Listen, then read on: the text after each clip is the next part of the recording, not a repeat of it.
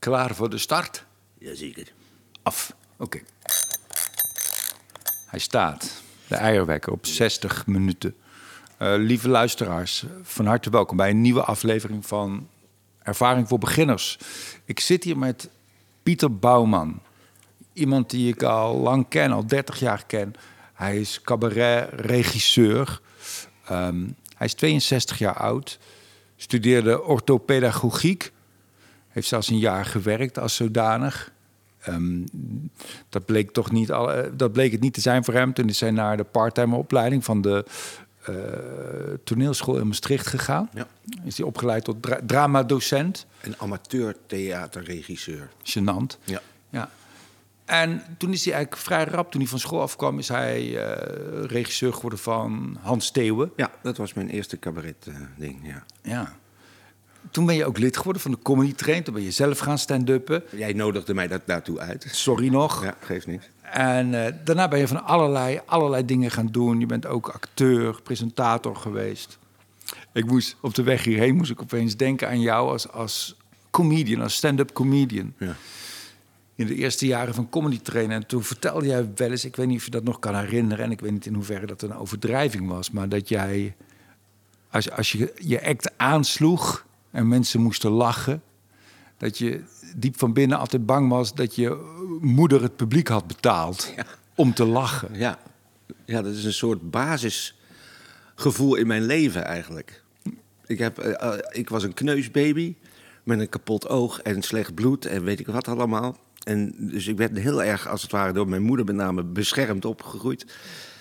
Maar daardoor kreeg ik het idee dat, dat ik het, niet goed klopte. Dat er iets niet goed was aan mij. Ja, En dus heb ik altijd het gevoel gehad, om dat voor mezelf te verklaren, wat natuurlijk eigenlijk ongelooflijk egocentrisch is, dat mijn ouders mensen betaalden omdat ze dan maar tegen mij zouden doen alsof ik normaal was.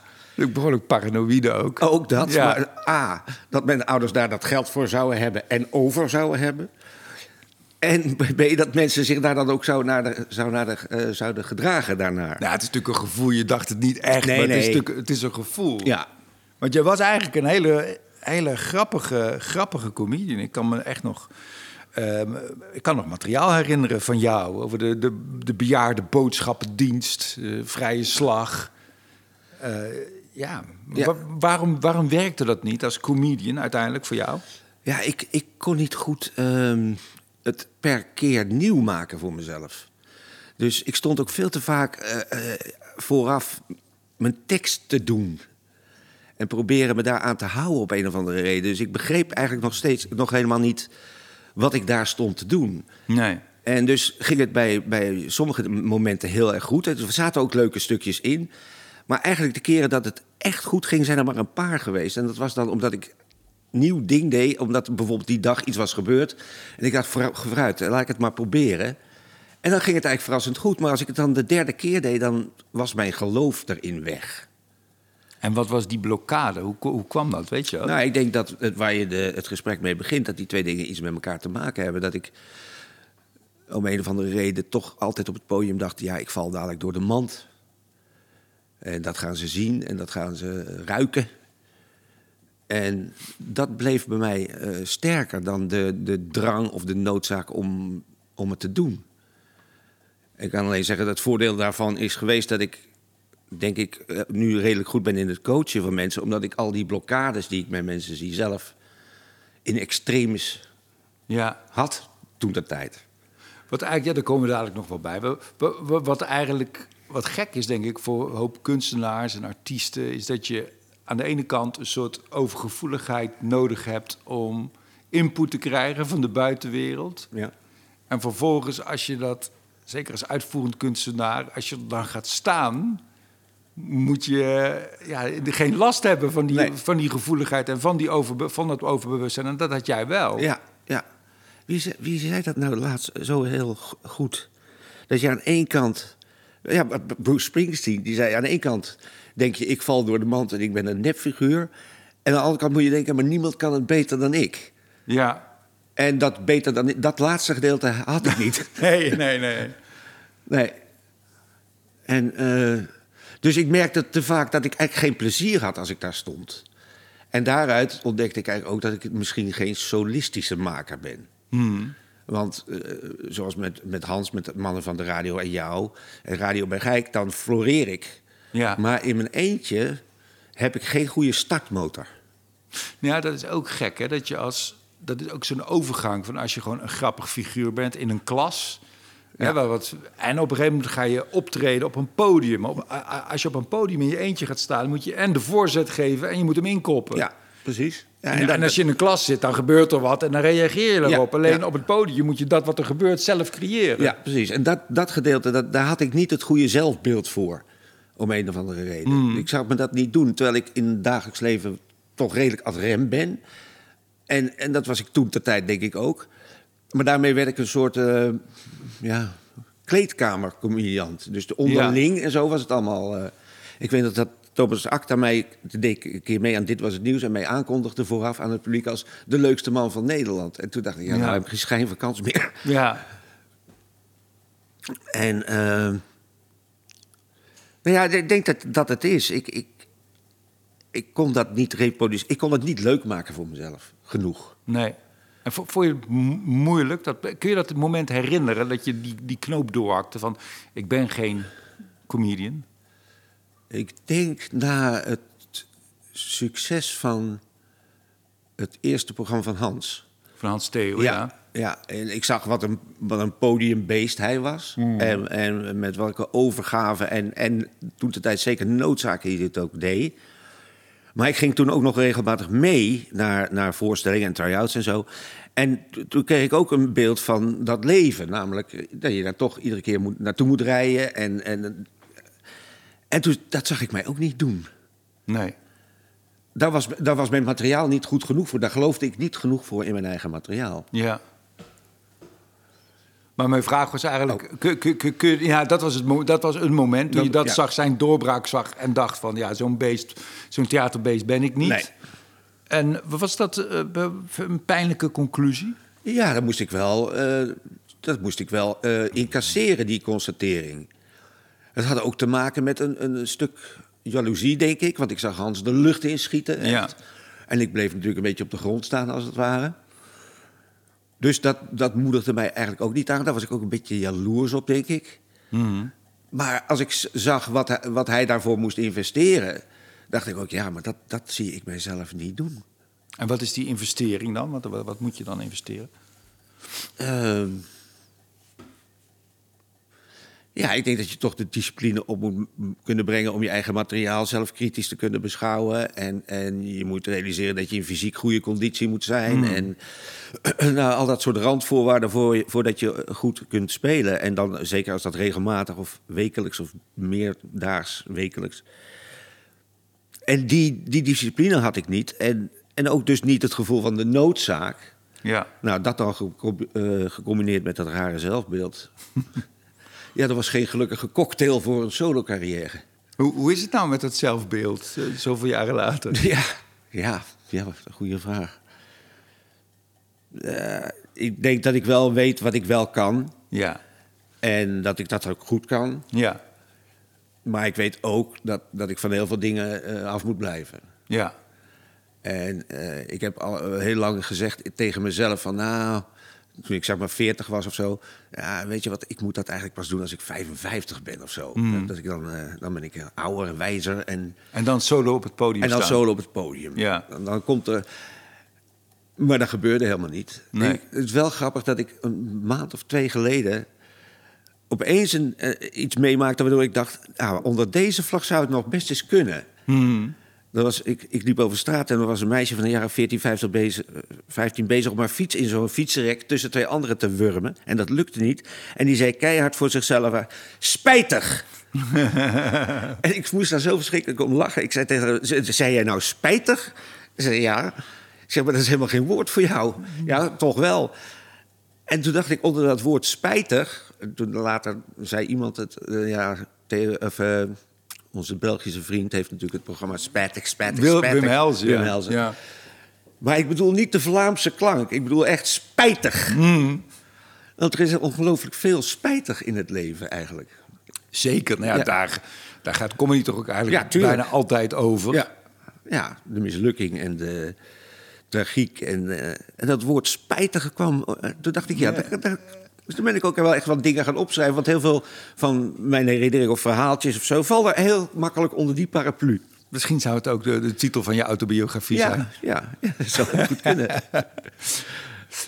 Ehm, je, je bent toen eh eh ja, cabaretregisseur geworden, echt. Je hebt superveel mensen geregisseerd. Eh inderdaad begonnen met Hans Theo, maar later ook Hans Dorrestein, Jeroen van Merwijk, Erik van Muiswinkel, Diederik van Vleuten.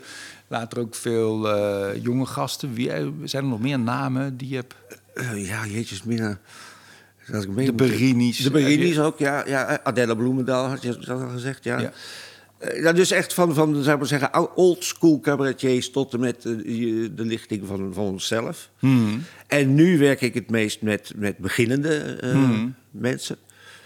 Ik ben in de loop van mijn carrière door eigen gedrag eh, een bepaalde marktsegment wel kwijtgeraakt. Ja, je hebt te de kampen gehad met de alcohol, met een Ja. eh, cocaïneverslaving. Ja, ja. Nou ja, goed, En dan weten mensen waar, waar het, o- waar het Ja, over gaat. Daar hoeven we het niet over te hebben, maar dan is dat, dan is dat helder. ja. Ehm, jij zei net van, ehm, ik weet nu wat ik, wat ik goed kan. Nou, nou eh, vertel op, voor de, voor de draad ermee. Ja, nou ja, ik kan dus eh, zeer eh, adequaat improviseren. Ja, Dat, dat, dat principe heb ik echt wel onder de knie. En als ik dat met de goede mensen doe, dan, dan gebeurt er ook echt wat. ja maar dan hebben, we, dan hebben we het even over jou. En dat is helemaal prima als, als radiomaker, als sketchmaker. Even zo je hoest. Ja, dat heb je gedaan bij, eh, ja, bij, de, bij de man van de radio, bij Radio Bergrijk. Excuus. Wat, wat, wat is dat, een improvisatie? Wat moet daarvoor... Wat zijn de omstandigheden die nodig zijn om dat goed te kunnen? Nee, je moet wel een soort klik hebben met de ander. En dan is het verder gewoon een, een soort openheid in ja zeggen op alles wat de ander aanbiedt en terugspelen. En dan eh, eh, eh, je verheugen op waar het je naartoe brengt, omdat, terwijl je niet weet waar het je naartoe brengt. Ja, En dat vind ik A, heerlijk om te doen. En ik kan het ook. ja, En ja, dat is het eigenlijk. Je moet ja zeggen. dat is eigenlijk de belangrijkste les. Ja. En, en, en sommige mensen kunnen dat gewoon niet. Heel veel mensen kunnen dat eigenlijk niet. Er zijn er maar een aantal met wie ik eh, dat gedaan heb... Ja. waarvan ik echt zeg, ja, daar, daar werden we allebei beter van. Of dat je elkaar na afloop aankeek van... waar haal je dat vandaan? Geen idee. Ja, dat vind ik fantastisch. Het is raar, hè? Dat nee, want ik ken dat van de improvisatie. Dat dat nee zeggen, dat is heel simpel, weet je. Je staat voor een zee en de een zegt, laten we de zee ingaan. En de ander zegt, en je hebt een hoop mensen die zeggen, nee, want het is koud. En, en dan blijf je daar maar staan. En Ja. dan wordt het dialoog en geneuzel. Precies. Maar dan gebeurt er niks. Nee. Dus je zegt, ja, dan ga je die zee in en dan kom je van alles tegen. Precies. En dan zijn er haaien of weet ik veel wat. En Ja. Jonassen in walvissen waar je mee kan praten. Of nog veel gekkere dingen. Whatever. En dat, dat is A, genieten ook voor jezelf. Omdat het ook heel leuk is om, om, eh, zelfs als je elkaar dus zo verrast dat je in de lach schiet, dat je toch overeind probeert te blijven in, in de improvisatie. In plaats van eruit te schieten en te doen dat dat leuk was. Dat, Ja, ik vind dat altijd een. eh, dat kun je ook niet langer dan drie uur doen, dan ben je ook bek af. Maar ja, drie uur is al intens lang. Ja. Jezus. Maar dat doen wij dus, deden wij met, met Radio Bergijk. Per week hadden we drie. Dat, effectief deden we dan anderhalf uur iets. Ja. Maar dan was je ook kapot, want het vereist ook een soort concentratie en, en, en gespitste oren. En, nou ja. In die improvisaties heeft dat ook wel een beetje op een gegeven moment volgens mij door elkaar heen gelopen. Hè? Dat je, je, en dat, dat eh, talent, het improviseren, maar ook eh, de substanties die je gebruikte tijdens het improviseren. Ik denk, met, met drank heb je dat er ook op gedaan, of niet? Dan blowen? ja, of, of nee, niet? blowen niet zoveel. Oh. Nee, in de tijd van Mannen van de Radio was ik de drank en Hans de blower. Ja, En eh, bij Radio Bergijk was uh, gewoon nuchter en ik dronk dan wat. En soms ook cocaïne. Omdat ik dacht dat dat... En met de alcohol was dat in het begin ook zo. En dat gaf me een soort, eh, laten we zeggen, schijnzekerheid... om die deurtjes open te zetten... ja, en niet te schrikken van wat er dan tevoorschijn kwam. ja, Maar dat te accepteren als de, de, de waardevolle bijdrage die het, die het was. ja. En eh, toen ik op een gegeven moment toch wel echt met die drank moest stoppen... was ik ook wel benauwd of dat, of dat zou eh, stoppen. En dat bleek helemaal niet zo te zijn. Dus die drank is wel eh, handig om een soort schijnzekerheid... Of, of even die deurtjes open te zetten... maar is niet de bron van de, van de inspiratie of zo. Dus we hoeven dan niet te zeggen tegen jonge makers die nu aan het luisteren zijn... zuip eerst maar Nee. eens wat en kijk dan maar wat er gebeurt. Nee, nee, dat is niet de tip. Nee, nee, dat is niet de tip. Want waar je last van hebt, is toch... Dat is natuurlijk ook een klassiek beeld, hè? Dat een soort duiveltje op je schouder. Of de, ja, de, de editor ook. Of Oh, de, ja. de kritische kijker. Ik had er twee op mijn schouder staan die de hele tijd... zeker in die stand-up periode... Ja. die de hele tijd zeiden, dat is niet leuk, dat is niet leuk. En En zij allebei hetzelfde. Ja, die zijn allemaal hetzelfde. Had niet een engeltje en een duiveltje. Nee. Nee. En toen dacht ik op een gegeven moment, weet je wat, ik, mijn Engels is vrij goed. Als ik nou eens in het Engels ga schrijven. Ja. En het rare was, dat verstonden die duiveltjes niet. En toen kon ik, als ik dat dan min of meer terugvertaalde... toch nog een aardig stukje eh, eruit persen. Ja, Maar dan moest ik echt die duiveltjes misleiden. ja. Zou, zou er andere truc zijn nog? Omdat, want volgens mij ke- kent iedereen dat. Ja. De, de- Nou, ik denk dat ik wel veel mensen een tip zou geven. Zeker, eh, nou, misschien ook wel voor gevorderden. Ehm, soms niet proberen te schrijven, maar het gewoon in een eh, memo-recordertje te vertellen. ja. Omdat dat schrijven ook een, een, een vertaalslag is die die, die ehm, eh, eh, overdracht of zo makkelijker maakt. Zeg ik nou iets zinnigs? ja. Ehm, Nou, de overdracht van idee naar Ja. iets concreters. Naar, Precies. iets, naar, naar letters op papier of letters Ja. die je kan uitspreken. En, en ook, ja, precies, dat het geen schrijftaal is, maar spreektaal Ja. wordt. Dat, dat zie ik toch wel bij veel mensen gebeuren. A, ook dat dat schrijven lastig is, omdat je tegen een wit veel papier kijkt en denkt, nou, dan moet ik leuk zijn. Terwijl als je het knopje indrukt op die memo-recorder en je gaat een beetje door je kamer lopen, dan komt er misschien veel meer uit. Ja. En bij sommige mensen werkt dat dan ook. En bij ans- anderen helemaal niet. Die, die... Maar dit, dat, dat vond ik wel een heel mooi stukje van, van eh, Louis C.K. die dat ergens zegt. Dat hij inderdaad probeerde te schrijven en dat dat niet, niks was. Maar als hij gewoon begon met... ik weet wel ongeveer wat ik wil zeggen... en dat dan ging proberen en daarna weer terugluisteren... en zeggen, oké, nou moet dat eruit en dit en dat. En deed hij dat dan op het podium of in zijn Ja. kamer, eh ijsberen? Nee, eerst ijsbeer in de kamer, maar dan eigenlijk vrij snel op het podium. En daar ontdekken wat wel werkt, wat niet werkt. En wat, Ja. welk, wat ruis is en wat niet ruis is. Ja. En ehm, dus ook, ik raad ook veel mensen aan om hoe naar dat ook is, om regelmatig naar jezelf terug te luisteren. Mhm. Omdat het vaak ook heel schokkend is, omdat je ontdekt dat je altijd maar in eenzelfde ritme praat. En Of- luisteren naar eh, optredens die je Ja, hebt opgenomen? ja, Ja, ja. dat, is, dat is lastig. dat is heel lastig, maar wel leerzaam. Zeker, ja. Nou, wat mij ook wel helpt is... Nou, we zitten nou in Toemler. En ik, ik, voor mij, maar dat, dat verschilt ook heel erg per communie. Voor mij is dit een super veilige plek. Ja. Ik kom hier ook met de troep aan, met rommel aan... met twee goede geintjes die ik heb bedacht. En voor de rest... eh, Zie wel. ja, ze, je zien me wel of zo. Dat kan ook zo helpen als je... Als je Maar daar moet je ook wel dat zelfvertrouwen voor ja, hebben. ja, Om te Zeker, denken, van zelfs, ja. zelfs als ik eh, door, het, door het ijs zak, dat is nog niet erg, want dan weet ik volgende keer wat ik beter eh, kan doen. ja, Dat veilige gevoel heb ik hier nooit eh, gehad. nee. Oh, Nou, ook omdat die tent natuurlijk nog niet toen was in die eerste jaren. En je altijd maar van cafeetje naar cafeetje. En, Ja. eh, ja, dat waren ook eh, heftige omstandigheden Ja. waarin wij in het begin speelden. Dat we daar in de Heren van Amstel stonden en dat amper mensen wisten sowieso niet wat stand-up comedy was. En, of hadden het postertje, het A4'tje wat op de, op de deur was geplakt, niet gezien. Ja. En dan werd er opeens een microfoon neergezet en dan zetten ze de muziek af. Terwijl twee vrienden elkaar twee weken niet hadden gezien of een, twee maanden niet hadden gezien en wilden bijkletsen. ja, mijn, mijn eh, meest ontnuchterende moment, en dat was niet voor mij alleen, maar ook voor Raoul en voor eh, John Jones. En wie deed er nog meer? Waren met z'n vieren. Was, eh, toen waren we nog niet zo lang bezig met de Comedy Train. En toen werd er vanuit Mojo Concert gevraagd... kunnen jullie het voorprogramma doen van Harry Connick Jr.? Een soort eh, crooner uit Amerika met een big band in de Stopera. En wij dachten, nou, dat is, wordt onze doorbraak. Ja, Alleen, dat was helemaal niet aangekondigd. En het publiek wist helemaal niet dat dat gebeurde, zou gebeuren. Dus wij kwamen op en die mensen hadden zoiets van... flikker op man, we willen die big band. ja. Terwijl wij dachten, we staan aan de rand van een doorbraak. En het tegendeel. Kom jij met je vrije slag aanzetten?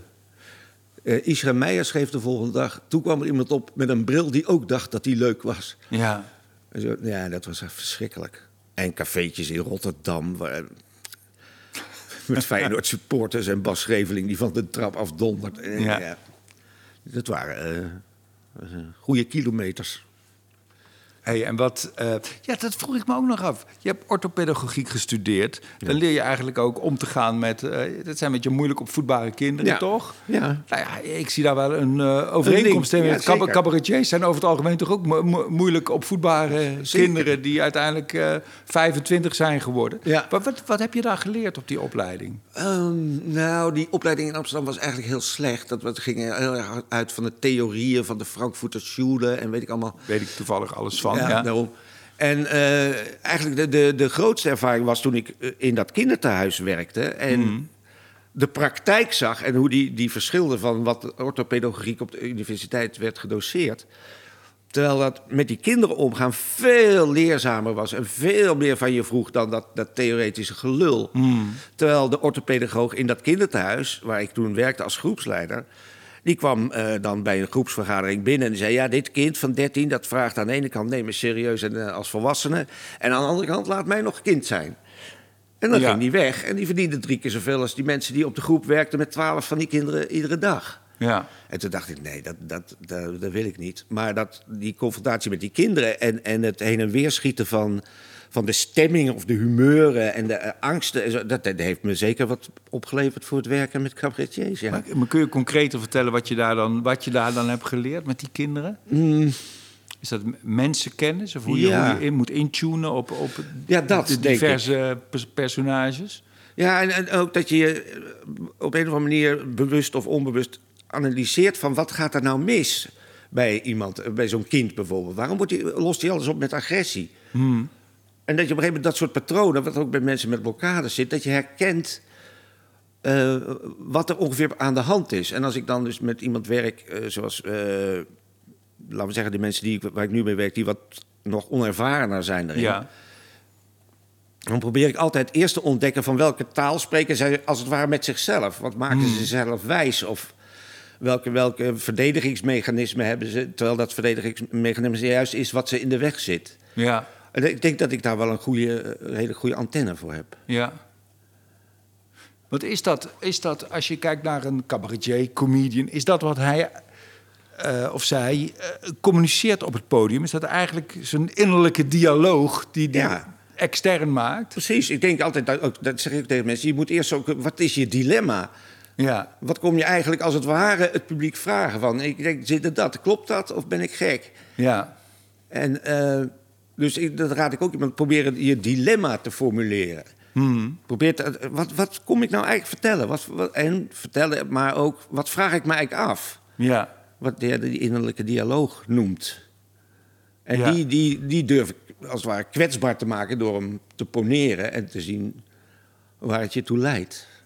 ja. En uiteindelijk een beetje minder kwetsbaar te maken door het te formuleren, hè, door het grappig te maken. Ja. Daardoor krijg je er ook een beetje controle op.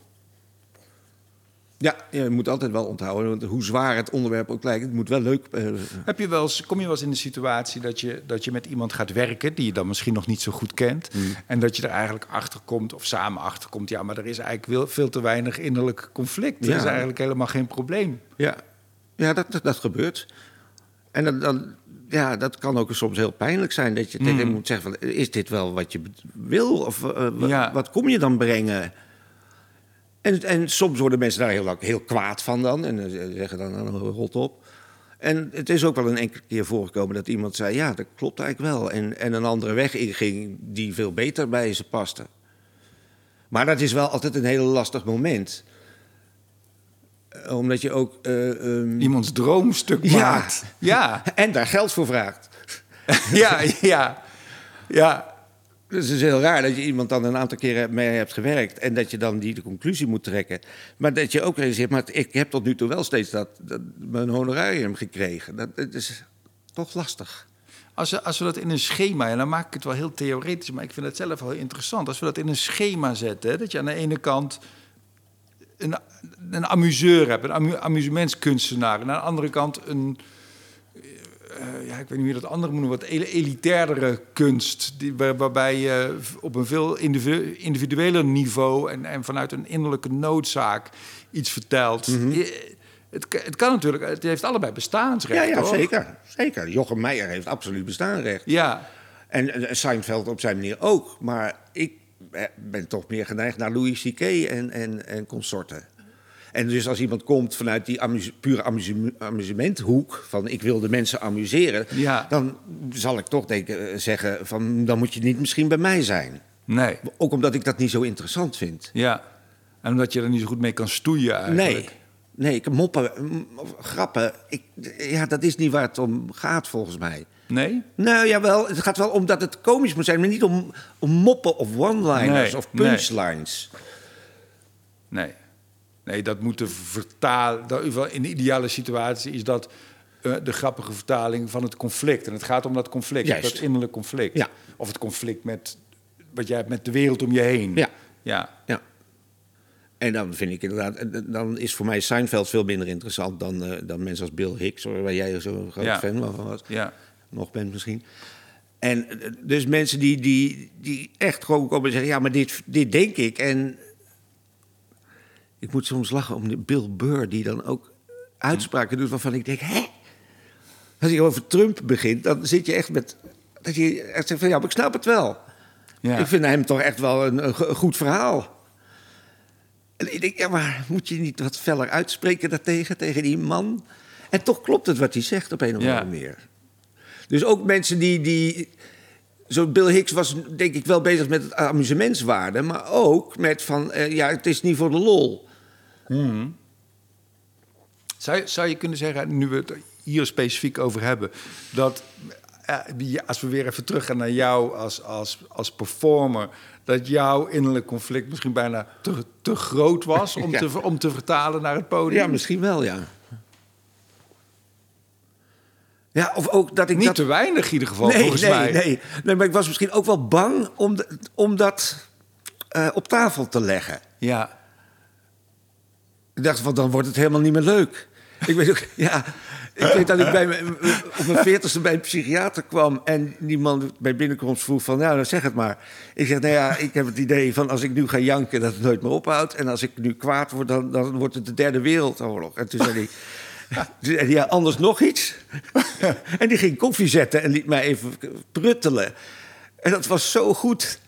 Anders nog iets. ja, En eh, terwijl dat voor mij heel erg groot was. Ik dacht, als ik dat bespreekbaar maak of, of eh, eh, voorleg op het podium op een of andere vorm... dan, dan wordt het zo persoonlijk. Ik weet die, die, dat tussengebied niet goed. ja. Dus dat, dat vond ik gewoon te eng. Nou, ze zeggen dat dat er ook een soort, dat is ook een theorie, een soort wet, dat, dat humor is drama plus afstand of plus tijd. Tragiek plus tijd. Ja, Ja. Ja, dat denk ik. Dat denk ik dat dat zeker geldt. En daarom is het soms denk ik dat ik ook mensen tussen de 20 en de 30 zie. En dan denk ik, ja, je moet eerst eens op je bek en je moet eens wat meemaken of wat dan ook. Mhm. Want er is helemaal geen, geen, geen conflict. nee. Ja, als, we er zo naar kijken, dan is misschien als jij 80 bent, is misschien is Echt er, tijd voor. is er genoeg tijd overheen gegaan. En, en ga je dan debuteren Ja, met een solo-voorstelling? ik blijf de mogelijkheid open houden. Spijtig. Spijtig. Autobiografisch stand-up programma. Ja. Ik, ik, eh, ik ga een kaartje kopen, sowieso. Ja. Je hebt niet echt een vaste methode hè, waarop jij regisseert. Nee. Nee. Nee, dat- dat, dat vind ik ook eh, een lariekoek, eerlijk gezegd. Want de een heeft heel andere dingen. Kijk, tegen Hans Dorrestein hoef je echt niet te zeggen. eh, Je moet Weet dan... je hoe je een liedje moet schrijven? Ja. ja. Dat is een flauwekul. Hoewel, dat was het eerste toen ik bij hem voor het eerst kwam. Toen zei, zei hij, eh, hier. En toen weer legde hij een stapel papier op tafel met, en een rode stift. En zei, Ja. kijk maar, streep maar door, wat je niet goed vindt. Ik ga vogels kijken. Heb ik daar twee uur gezeten in mijn eentje in die woning van hem... terwijl hij vogels aan het kijken was. En ben ik maar naar eer en geweten gaan doorstrepen wat ik niet goed vond. Maar ik hoefde hem natuurlijk niet te zeggen... luister, je moet daar iets, iets in... Nou, je moet dat, iets, daar moet je het juist vertragen. En daar moet je flink gas geven. Die man die las alles van papier op... en die hobbelde naar de microfoon en dan weer terug naar de piano. Terwijl met, met Hans werkte ik meer bijna à la het improviseren... van wat later mannen van de radio bleek te zijn. Maar ook in de montage heb ik kan me herinneren, het is een oude herinnering, maar van dat het eerste programma van Hans Steeuwen, eerste soloprogramma. eh Hart Hart, en Zielig. Zielig was dat. Ja. Dat, dat jij toen echt gestreden hebt voor eh, dat openingsnummer. Of dat, dat, dat, dat stukje dat dat aan het begin moest Ja, komen. ja. Die, die- dat slopen van die piano eigenlijk. Ja. Ja, dat, dat, dat deed ik bij Hans heel erg. Omdat Hans ook een eh, programma's maakt met echt nummers eigenlijk. hè. Dus dan kun je heel makkelijk, als je die allemaal op een papiertje zet, kun je mee schuiven. En dan zet je er pijltjes op van dit is up en dat is eh, wat. En dan kun je daar een soort een beetje muzikaal dingetje als het ware van maken. En wat dan inhoudelijk ook nog klopt, zoals met, met een breierdek. Tweede programma, dat begint met een soort ongeluk wat hij beschrijft. En we konden geen goed einde vinden. En toen zei ik, nou, als je nou aan het eind onthult... dat je eigenlijk dit hele programma voor die vrouw... wiens kindje hebt doodgereden, hebt gespeeld. Ja. En dat ma- maakte het dan tot een prachtig geheel... wat in Amerika vaak als trucje ook wordt gebruikt. Als je aan het begin iets zegt en je doet aan het einde, eind weer... dan, lijkt het een geheel. ja. Ja, dan lijkt het een geheel. Maar dat werkte daar echt goed. Maar er zijn natuurlijk ook mensen die minder in nummers werken. Jij werkt niet in nummers. Nee, maar nog even, nog Oh, even bij dat. Nee, maar niks, sorry. Bij die, die eerste show van Hans. Hm. Want het beginnummer, kan ik me herinneren, was... dan komt hij op de piano, begint een soort van mooi te spelen... maar dat, uiteindelijk is hij op die piano aan het rammen... alsof hij hem wil slopen. Ja. En wat daarna komt, is het, het- de introductie eigenlijk van het verlegen, het verlegen mannetje... Ja. die, die eh, net nog heel zenuwachtig is... maar als hij er dan staat, valt alles van hem af. Terwijl hij echt briljant, briljant nummer. En dat had ook een heel goede opening kunnen zijn. Dat had, dat had iets gemakkelijker geweest, waarschijnlijk. Ja, of iets maar- meer voor de hand gelegen zelfs. Ja, dat, dat denk ik, dat, dat zeker. Maar ik vond het andere dus veel meer iets maken van... Je, je komt in een achtbaan ja. en je weet niet welke bochten die gaat maken. Die, die code was er dan Ja. was er op deze manier meteen. Dus, dus Ja, ik vind het ook een hele goede keuze. Ik denk dat wat ook heel erg, wat ook heel belangrijk is, ik denk bij elke kunstvorm, ook zeker bij, bij, bij comedy, bij theater, is dat ook zo'n eerste nummer, dat creëert ook een enorme spanning. ja, Die vervolgens, als hij dan zo gaat praten en als dat zenuwachtige ventje enorm ontladen wordt door, door de lach. ja, ja. Want dat is natuurlijk soms ook het nadeel van een hele hoge eh, grapdichtheid. Of je, je moet ook eerst spanning opbouwen voordat je hem ontlaat. En sommige Ja. mensen zijn natuurlijk zo bang voor die spanning... ja. is dat ze alleen maar aan het ontladen zijn. En dan worden het alleen maar grapjes achter elkaar. Ja. ja. En, en dat, dat heeft ook wel te maken met bij Hans... was het bereik van wat hij kon natuurlijk heel groot. Ja, en dat is bij heel veel is- mensen ja, niet zo. Nee, Dus je had ook wel veel om mee te spelen, zal ik maar zeggen. ja. Maar daarom, de, wat je, de oorspronkelijke vraag die je stelde hierover was... eh, heb je een methode? Nee, die heb ik dus niet. Nee. Want dan zou ik, ik zou niet weten hoe. Je hebt, je hebt mij wel eens verteld, eh, correct me if I'm wrong... Hmm. dat jij ooit gewerkt hebt met eh, Erik van Muiswinkel en Diederik van Vleuten. Ja. En dat je die twee jongens toen hallucinerende paddenstoelen hebt gegeven. Ja. Dat ze die hebben opgedronken als thee. Ja. Toen zijn gaan praten met z'n tweeën. Dat ze klaar waren met praten na, na zes uur. Ja. En dat jij zei, hier gaat jullie programma over. Ja, ja. In Oud-Marsum was dat. Jezus. En ze hadden nog nooit van dat soort spullen... Nee. Wat gebeurde er die avond? Nou, ik werd er heel ziek van. Ja, Ja, ik moest weer eens. Weer eens, ja. Ik, ik- ja. Maar goed, de, de werkzame stof was toch wel in mijn, in mijn bloedstroom al. Maar die twee die, die kwamen in territorium terecht wat ze zelf nog niet kenden. Dus er ontstond ook heel veel uit improvisatie. Ik was, het was heel erg spijtig dat we toen nog niet zo handig waren met de memorecordertjes. Want als ik dat had, dan was er ook al een half programma geweest, bij wijze van Ja. spreken. Dus ik, eh, daarmee probeerde ik ze een beetje uit de nettige eh, cabaret te halen. Ja. Wat bij die twee maar matig lukt, want ze zitten, komen echt uit die oudere traditie. Maar er zitten wel nummers in. En uit dito milieus ook. Ja, ja dat speelt natuurlijk ook mee, toch? Ja, zeker. zeker. Maar het is heel leuk om, om, om die twee dan te zien losgaan. Ja. Met die, met die achtergrond erbij.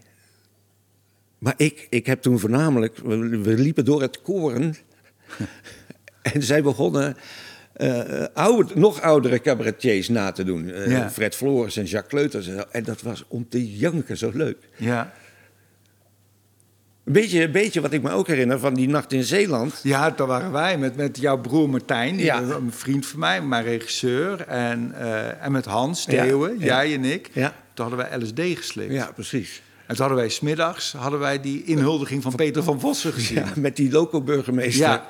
Waar jij een soort rancuneuze man van maakte in die duinen. dat- Om te janken, zo, zo grappig. Ik had voornamelijk al een lachkick. Ja, En Martijn eh, begon be- bewegende muren te zien. Wat ik, dat hoef ik er niet bij te hebben in, mijn leven. en dat is later die Henk van der Tillaert Ja, dat is monoloog geworden. Het was die toespraak waarin Ja. steeds iemand werd opgehemeld en iemand werd... Ja. Die man, die Peter van Vossen op die kar. Door het verlaten Zierikzee. En hoe, hoe werk jij nu met, met, met, met jonge gasten? Hoe, hoe, hoe begint het? Ze komen naar jou toe, ze bellen je op, Pieter. eh, ik wil een soloprogramma gaan maken of ik wil mee gaan doen aan kameretten. Wil je me helpen? Ja. Wat, wat is dan de volgorde der dingen? Eerst zeg ik dan, laten we eens een keer bij elkaar zeggen, zitten ouwehoeren. Ja, En dan probeer ik een beetje het, het al af te tasten. Oké, waar gaat deze figuur over? Eh, ik vraag ze vaak wat, wat zij inspirerende eh, andere cabaretiers of comedians vinden. Dat zegt ook vaak al, al iets. En als ze al eh, op video materiaal hebben, dan vraag ik: eh, kun je dat opsturen? Eh, voor, mij, voor mij om een indruk te krijgen wat iemand is. Als, als iemand dan in dat eerste gesprek eigenlijk heel duidelijk maakt dat hij in die amusementshoek zit, dat- dan zal ik zeggen: nee, nee, dan moet je niet bij mij zijn.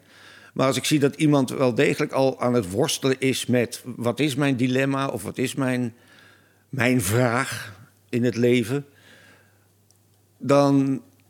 Ja, eigenlijk doe ik toch liefst eerst twee of drie van dat soort gesprekken van een uur of twee. Hmm.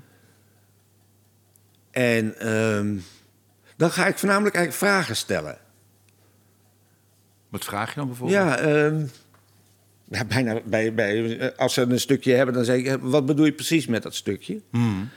En vind je ook dat het zo dan het duidelijkst eh, verteld Moet je, is? maar moet je dat weten als kunstenaar? De- waarom, als je iets maakt, waarom je iets maakt. Ik zou dat antwoord soms moeilijk, eh, moeilijk vinden om te geven. Ja, maar misschien bedoel ik het minder concreet dan jij het. eh, ik, ehm. Nou ja, ik probeer er toch achter te komen wat iemand beweegt of wat iemand. Dus ze hoeven ook niet daar voor mij per se een heel goed antwoord op te geven. Nee. Maar zelfs het zoeken naar zo'n antwoord kan al heel veel, heel veel helpen. Ja. Ehm, wat ik niet zo vaak doe, is met mensen in een repetitielokaal het gaan oefenen of zo. Nee, nee, dat heb ik ook nog nooit gedaan. Nee. Gaan we staan en dan... eh, Ja, nee, dat is zo. gaat niet, omdat je publiek nodig hebt, toch? Ja, precies. Sommige mensen willen dat toch wel heel graag. En dat doe ik dat dan ook wel af en toe, maar dat is. Vragen stellen is toch eigenlijk vaak het, het, het, het, belangrijkst. Ja. Ook om de ander gewoon scherper te laten nadenken. Eh, niet om, de- om, het, om het antwoord te vinden per se, maar om, om, om het dilemma. Of ja, ja, wat ik snap wel wat je bedoelt. Met, dat- dat is bijna the- theoretisch en moet een kunstenaar dat weten. Nee, misschien liever niet zelfs, maar Nou, het helpt denk ik om samen te, te vroeten in Ja. die vuilnishoop. ja, precies dat. Ja. Ja, En daar dingetjes uit te selecteren en die eh, tentoon te stellen. ja. Maar daarvoor moet je dus wel vragen naar, dat, naar, die, naar die prut waar ze in... Ja.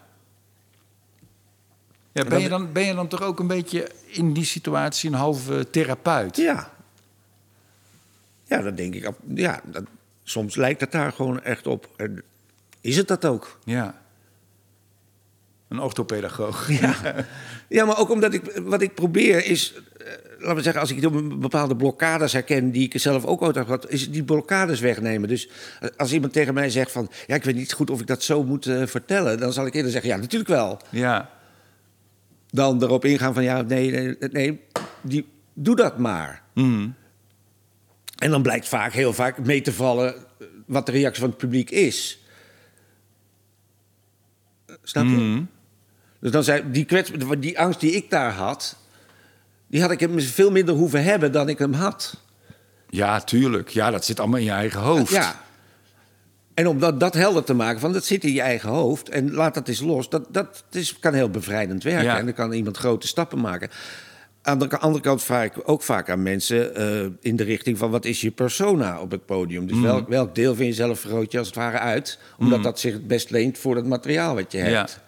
En dat is ook vaak heel belangrijk. Want als, als iemand dat persona eenmaal heeft, dan wordt volgens mij ook het schrijven makkelijker. Ja. Denk ik, ja.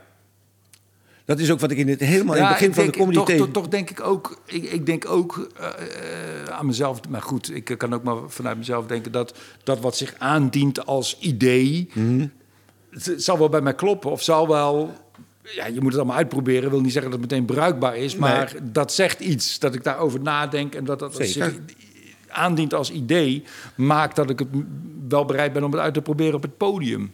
Ja, maar ik denk ook bij sommige mensen ligt dat, dat persona heel dicht bij wie ze in het dagelijks leven zijn. Ja, En bij anderen eh, veel minder. Bij Louis C.K. ligt dat volgens mij heel... Maar het is toch een kunstmatige vorm. Ja, of het is zijn talent om te suggereren dat het heel dicht bij elkaar ligt. Het is inderdaad heel erg geloofwaardig in ieder geval. Ja. Ik heb dat ook bij hem. Ik denk ook, ja, hij, hij is zo. Ja. Terwijl, dat- heb ik ook bij jou, die voorstelling waar je echt aan het kankeren bent... en in dat lege podium met Mhm. een tafeltje voorop...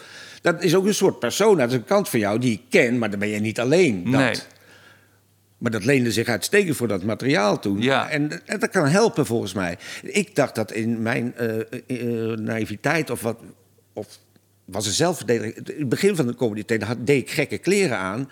en probeerde ik ook met een Brabants accent te doen. Ja, Alsof, dat was wel een soort bescherming, maar de, precies de verkeerde. ja, Daar moest ik het juist helemaal niet zoeken. nee. Nee, ik zat net ook te denken eventjes van, van dat, is, dat is eigenlijk het ergste wat kan gebeuren...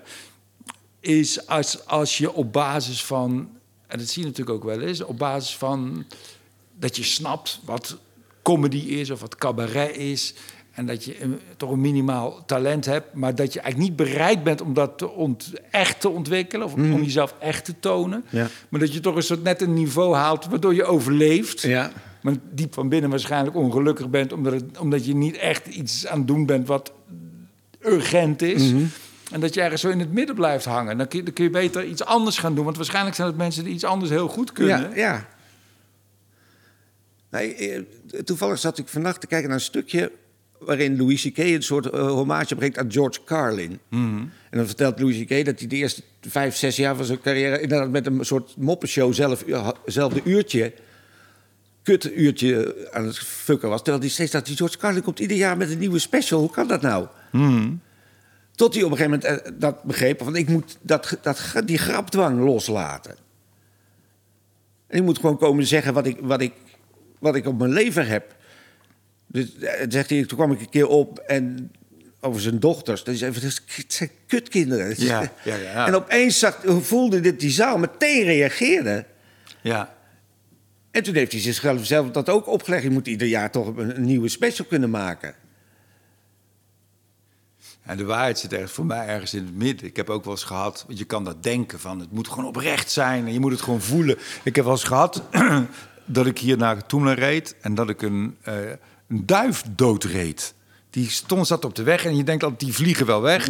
Maar die ging niet weg en ik, ik voelde ook zo'n hupsje. En ik kijk zo achter me, er ligt zo'n bebloede plak achter mijn auto. En ik was er echt een beetje door aangedaan. en, het was echt, en ik kwam laat binnen en ik moest als eerste op. Dus ik vertel meteen dat, dat verhaal. Ik zei, nou, wat ik... Maar het boeide niemand, omdat het ook helemaal geen punchline had. Het had verder geen kop of staart. Het had, dat, dat, dat. Dat vind ik echt een grappig voorbeeld. Want ik heb precies het omgekeerde meegemaakt. Dat ik smiddags in mijn huis een, een muis midden in de kamer had. Die lag te trillen op de grond. Dus was duidelijk bezig aan het sterven. En ik- nou, dat werd een gedoe. En s'avonds eh, hadden wij een avond in Reur. Of eh, hoe heet dat? Richter. Ja, En iedereen wa- was, had, was een moeilijke avond met iedereen. En ik was als laatste en ik had alleen maar dat verhaal. En Ja. het stomme was, dat werkte als een tierenlier omdat ik eigenlijk in dat verhaal niet per se eh, de grappen maakte... maar wel de tragiek van dat gevecht met dat muisje... van hoe moet ik jou doodmaken? En dat dat dan mislukte, want dat mislukte. En toen werd het inderdaad echt muisstil. Toen dacht Muisstil. wel, ja, en toen dacht ik ook van het verhaal hoeft niet per se echt ongelooflijk grappig te zijn... om en te boeien en toch ook Ja. die tragiek en, en komische kant hebben. Dus ik heb precies de omgekeerde en heb je dat ervaring. kunnen reproduceren, Ja, dat verhaal? ja, jawel. Maar ook weer, dan, wat ik helemaal aan het begin zei... na een keer of vijf was bij mij er dan de, de lol er al een beetje af. ja. Snap je? Ik kon het dus niet nieuw maken voor mezelf Ja. per keer. Ja, je kon er geen leven in blazen. Nee, nee. Tenzij, dat, zoals toen, die ene keer, omdat het ook echt net gebeurd was. Dat is ook grappig, ik weet niet of jij dat herkent... maar eigenlijk zijn de meeste mensen heel snel tekstvast. Als je een goede anekdote hebt over Ja. je vakantie... Heb je ben vrij snel de goe- goede manier om het te vertellen. ja. Precies. En die is dan bijna ook verbatim de volgende keer. Alleen de volgende keer voeg je misschien iets toe. Maar de essentie van het verhaal heb je te pakken. Terwijl ik stond... Over vrije slag stond ik nou honderd keer nog. Ja. Eerst altijd een beetje kotsen. In Beetje de wc kotsen. moest je ook. Ja. Ja. Ja, dat is ook een heel veeg teken van misschien moet, Moet moet ik iets dat anders niet doen. doen? Nee. Een beroep. Je moet geen beroepen doen waar je eerst moet kotsen voordat je het kan Nee. uitoefenen. Het Nee. lijkt mij een heel duidelijk signaal. Nee, en in het begin toen ik eh optrad met, met een, een- duo met een vriend wat ik had in, in de studietijd nog en ook mijn bandje later, dacht ik ook dat dat kotsen nodig was om eh, op de goede spanning te Ja. krijgen of zo. Dat is allemaal niet, dat is allemaal niet goed. Dat zijn inderdaad geen goede tekenen. Dus, dus tegen de tijd dat deze tent er er was, was ik wel doordrongen van het feit dat wordt niet mijn territorium. Nee. Nee. En heb je, heb je daar nu helemaal vrede mee? Ja. Ja. ja. Ja. Ja. Kijk, waar ik misschien minder vrede mee heb, is dat, dat stupide zelfbeeld wat me tegen heeft gehouden altijd. Alle Ja. tijd. Maar ja, dat is het. Ja, ja, dat, dat Daar was kun je zo. niks meer aan doen. Nee.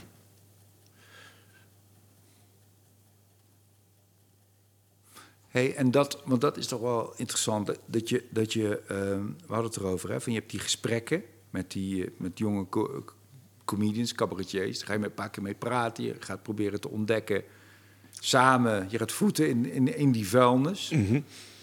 Dat is eigenlijk de, hè, de, de weg erheen, naar het ma- materiaal, de eerste, laten we zeggen, de eerste paar eh try-outs. Dan ga je kijken, neem ik aan. Wat, wat, valt er dan, wat valt er dan te doen als regisseur? Ehm.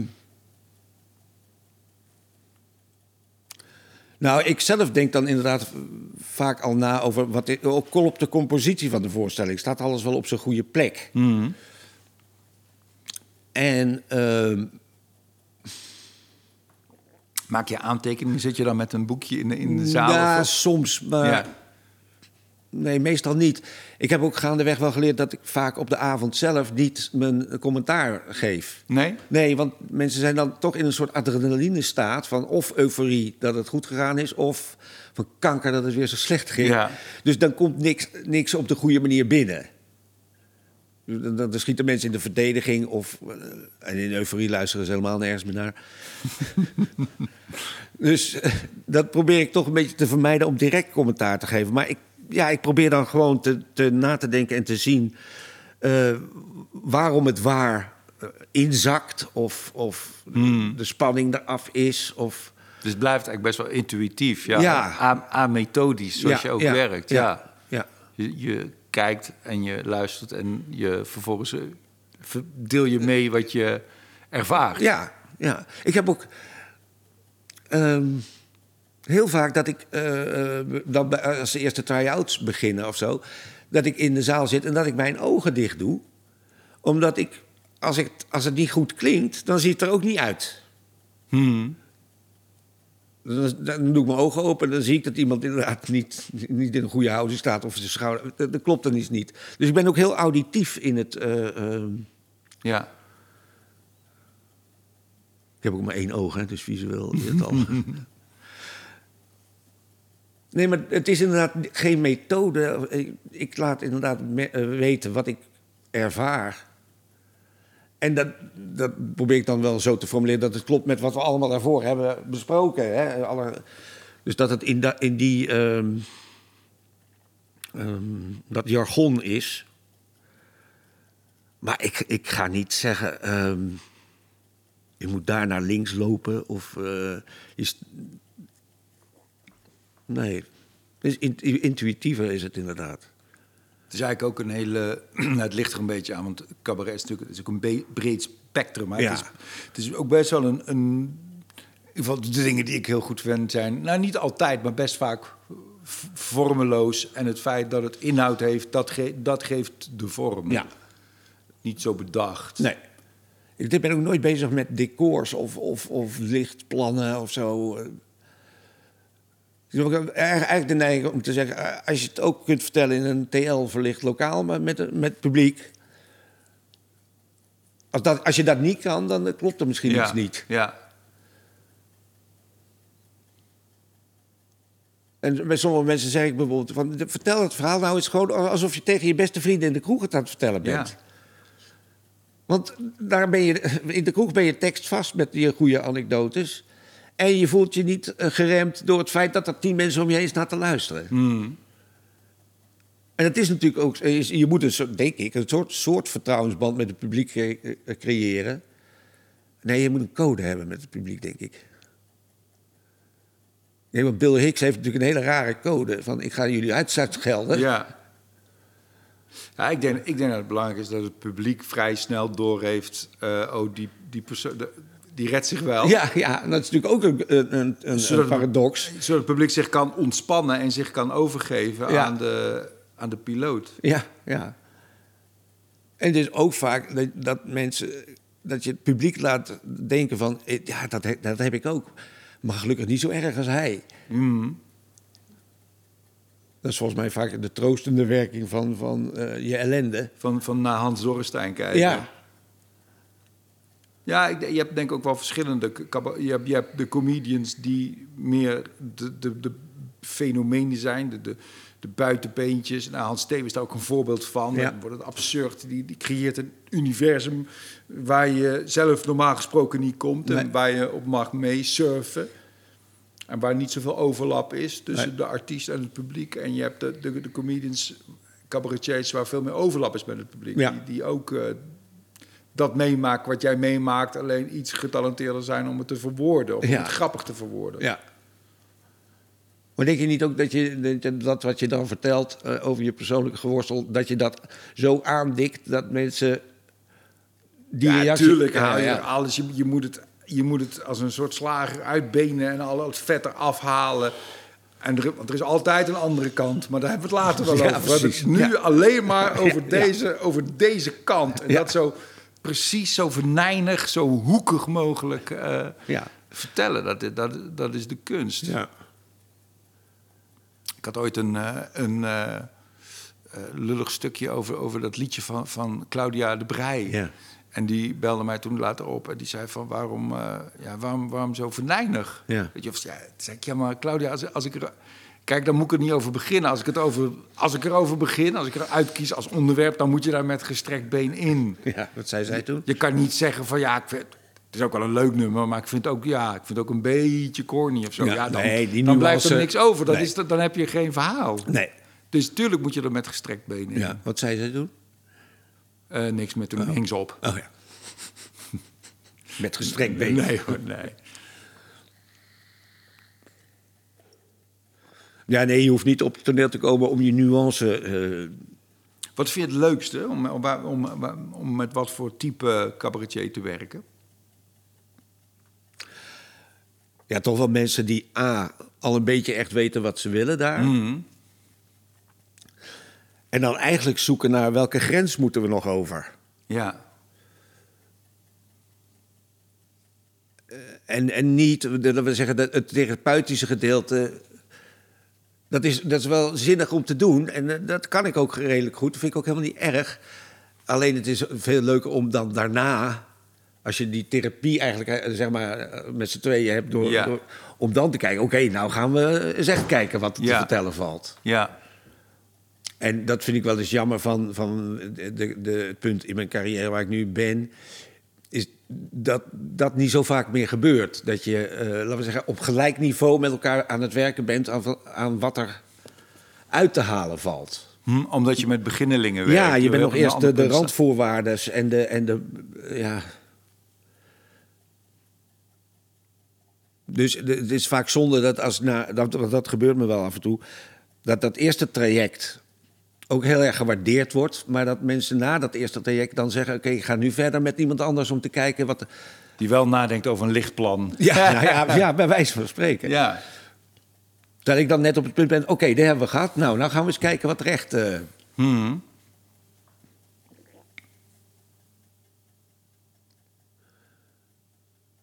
Ben je los van je, je, je- nou ja, we hebben het over, over, je, over, over je vakmanschap. Dat, en dat vind ik eigenlijk ook het belangrijkste om hierover te hebben. Maar heb je, je bent 62, nou heb je, heb je veel opgestoken in het leven? Ben je, ben je, ben je wijzer geworden? Ja, ik hoop van wel. Dat was een mooi antwoord. Ja. ik, ik, ja.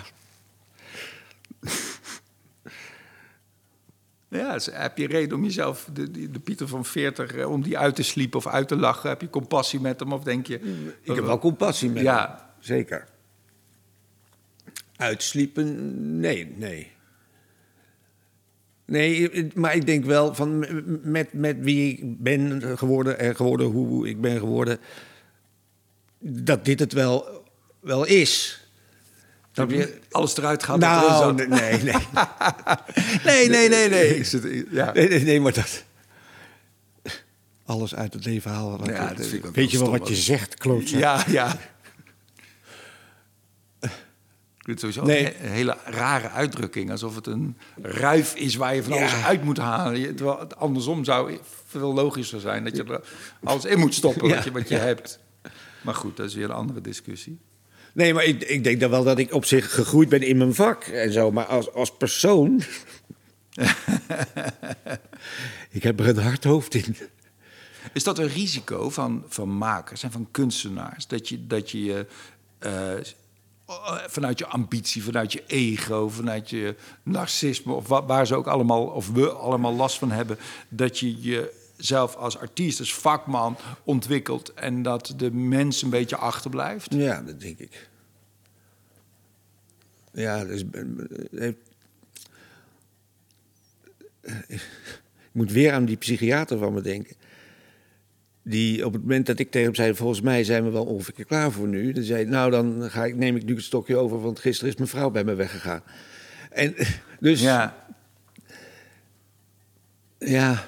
Nee, ik denk ook dat. Nou ja. Je ziet ook sommige mensen bij wie die ontwikkeling stopt in het maken. Dan blijft het een soort schabloon van wat ze al deden. En dan, dan, dan dat vind ik niet eh, prettig. Hmm. Er moet, moet- toch ook in, het- in het leven moet er ook nog voldoende misgaan om, om ja, niet te denken dat je er nou uit bent. ja. Dat je weet hoe het zit. Ja, en dat die vuilnisbelt een vuilnisbelt moet blijven Ja. en niet een mooi, mooi egaal strandje. Want Nee. daar, daar, daar, En dat vond ik wel onthutsend aan die documentaire van Jochem Meijer. Die dan die amusementskant kiest. Maar hoe die zichzelf afbeult. En, Ja. en, en op het autistische af. Pff. Wat je helemaal niet ziet in zijn programma verder als publiek. nee. Daarom, daarom denk ik, het is niet voor mij. Maar die jongen, vind ik, heeft wel zijn podiumrecht verworven, vind ik. Waar- waarom? Ja, om, omdat hij, ja, dat is natuurlijk een prima. Hij zegt: Ik wil mensen aan twee à drie uur uit hun dagelijkse beslommering halen. Ja. En dat ziet er dan eh, heel gemakkelijk en spontaan uit, terwijl die gewoon moet ploeteren. En, en, en, eh, en ik denk dat hij best iets te winnen zou hebben. met wel nog een laagje dieper gaan dan dat amusement. Maar dat Ja. denk ik dat hij, daar, ja, dat hij dat ook niet goed vertrouwt. Nee. Nee, dat denk ik ook. En ik denk dat zijn publiek wat hem leuk vindt... natuurlijk ook zelf ook ploetert. En, Ja. en dat kan ook hartstikke... troostend zijn als je ziet dat eh, Jochem dat ook doet. Ja, zeker. In die documentaire zie je natuurlijk Ja. in hele extreme, Ja, ja. hele extreme mate.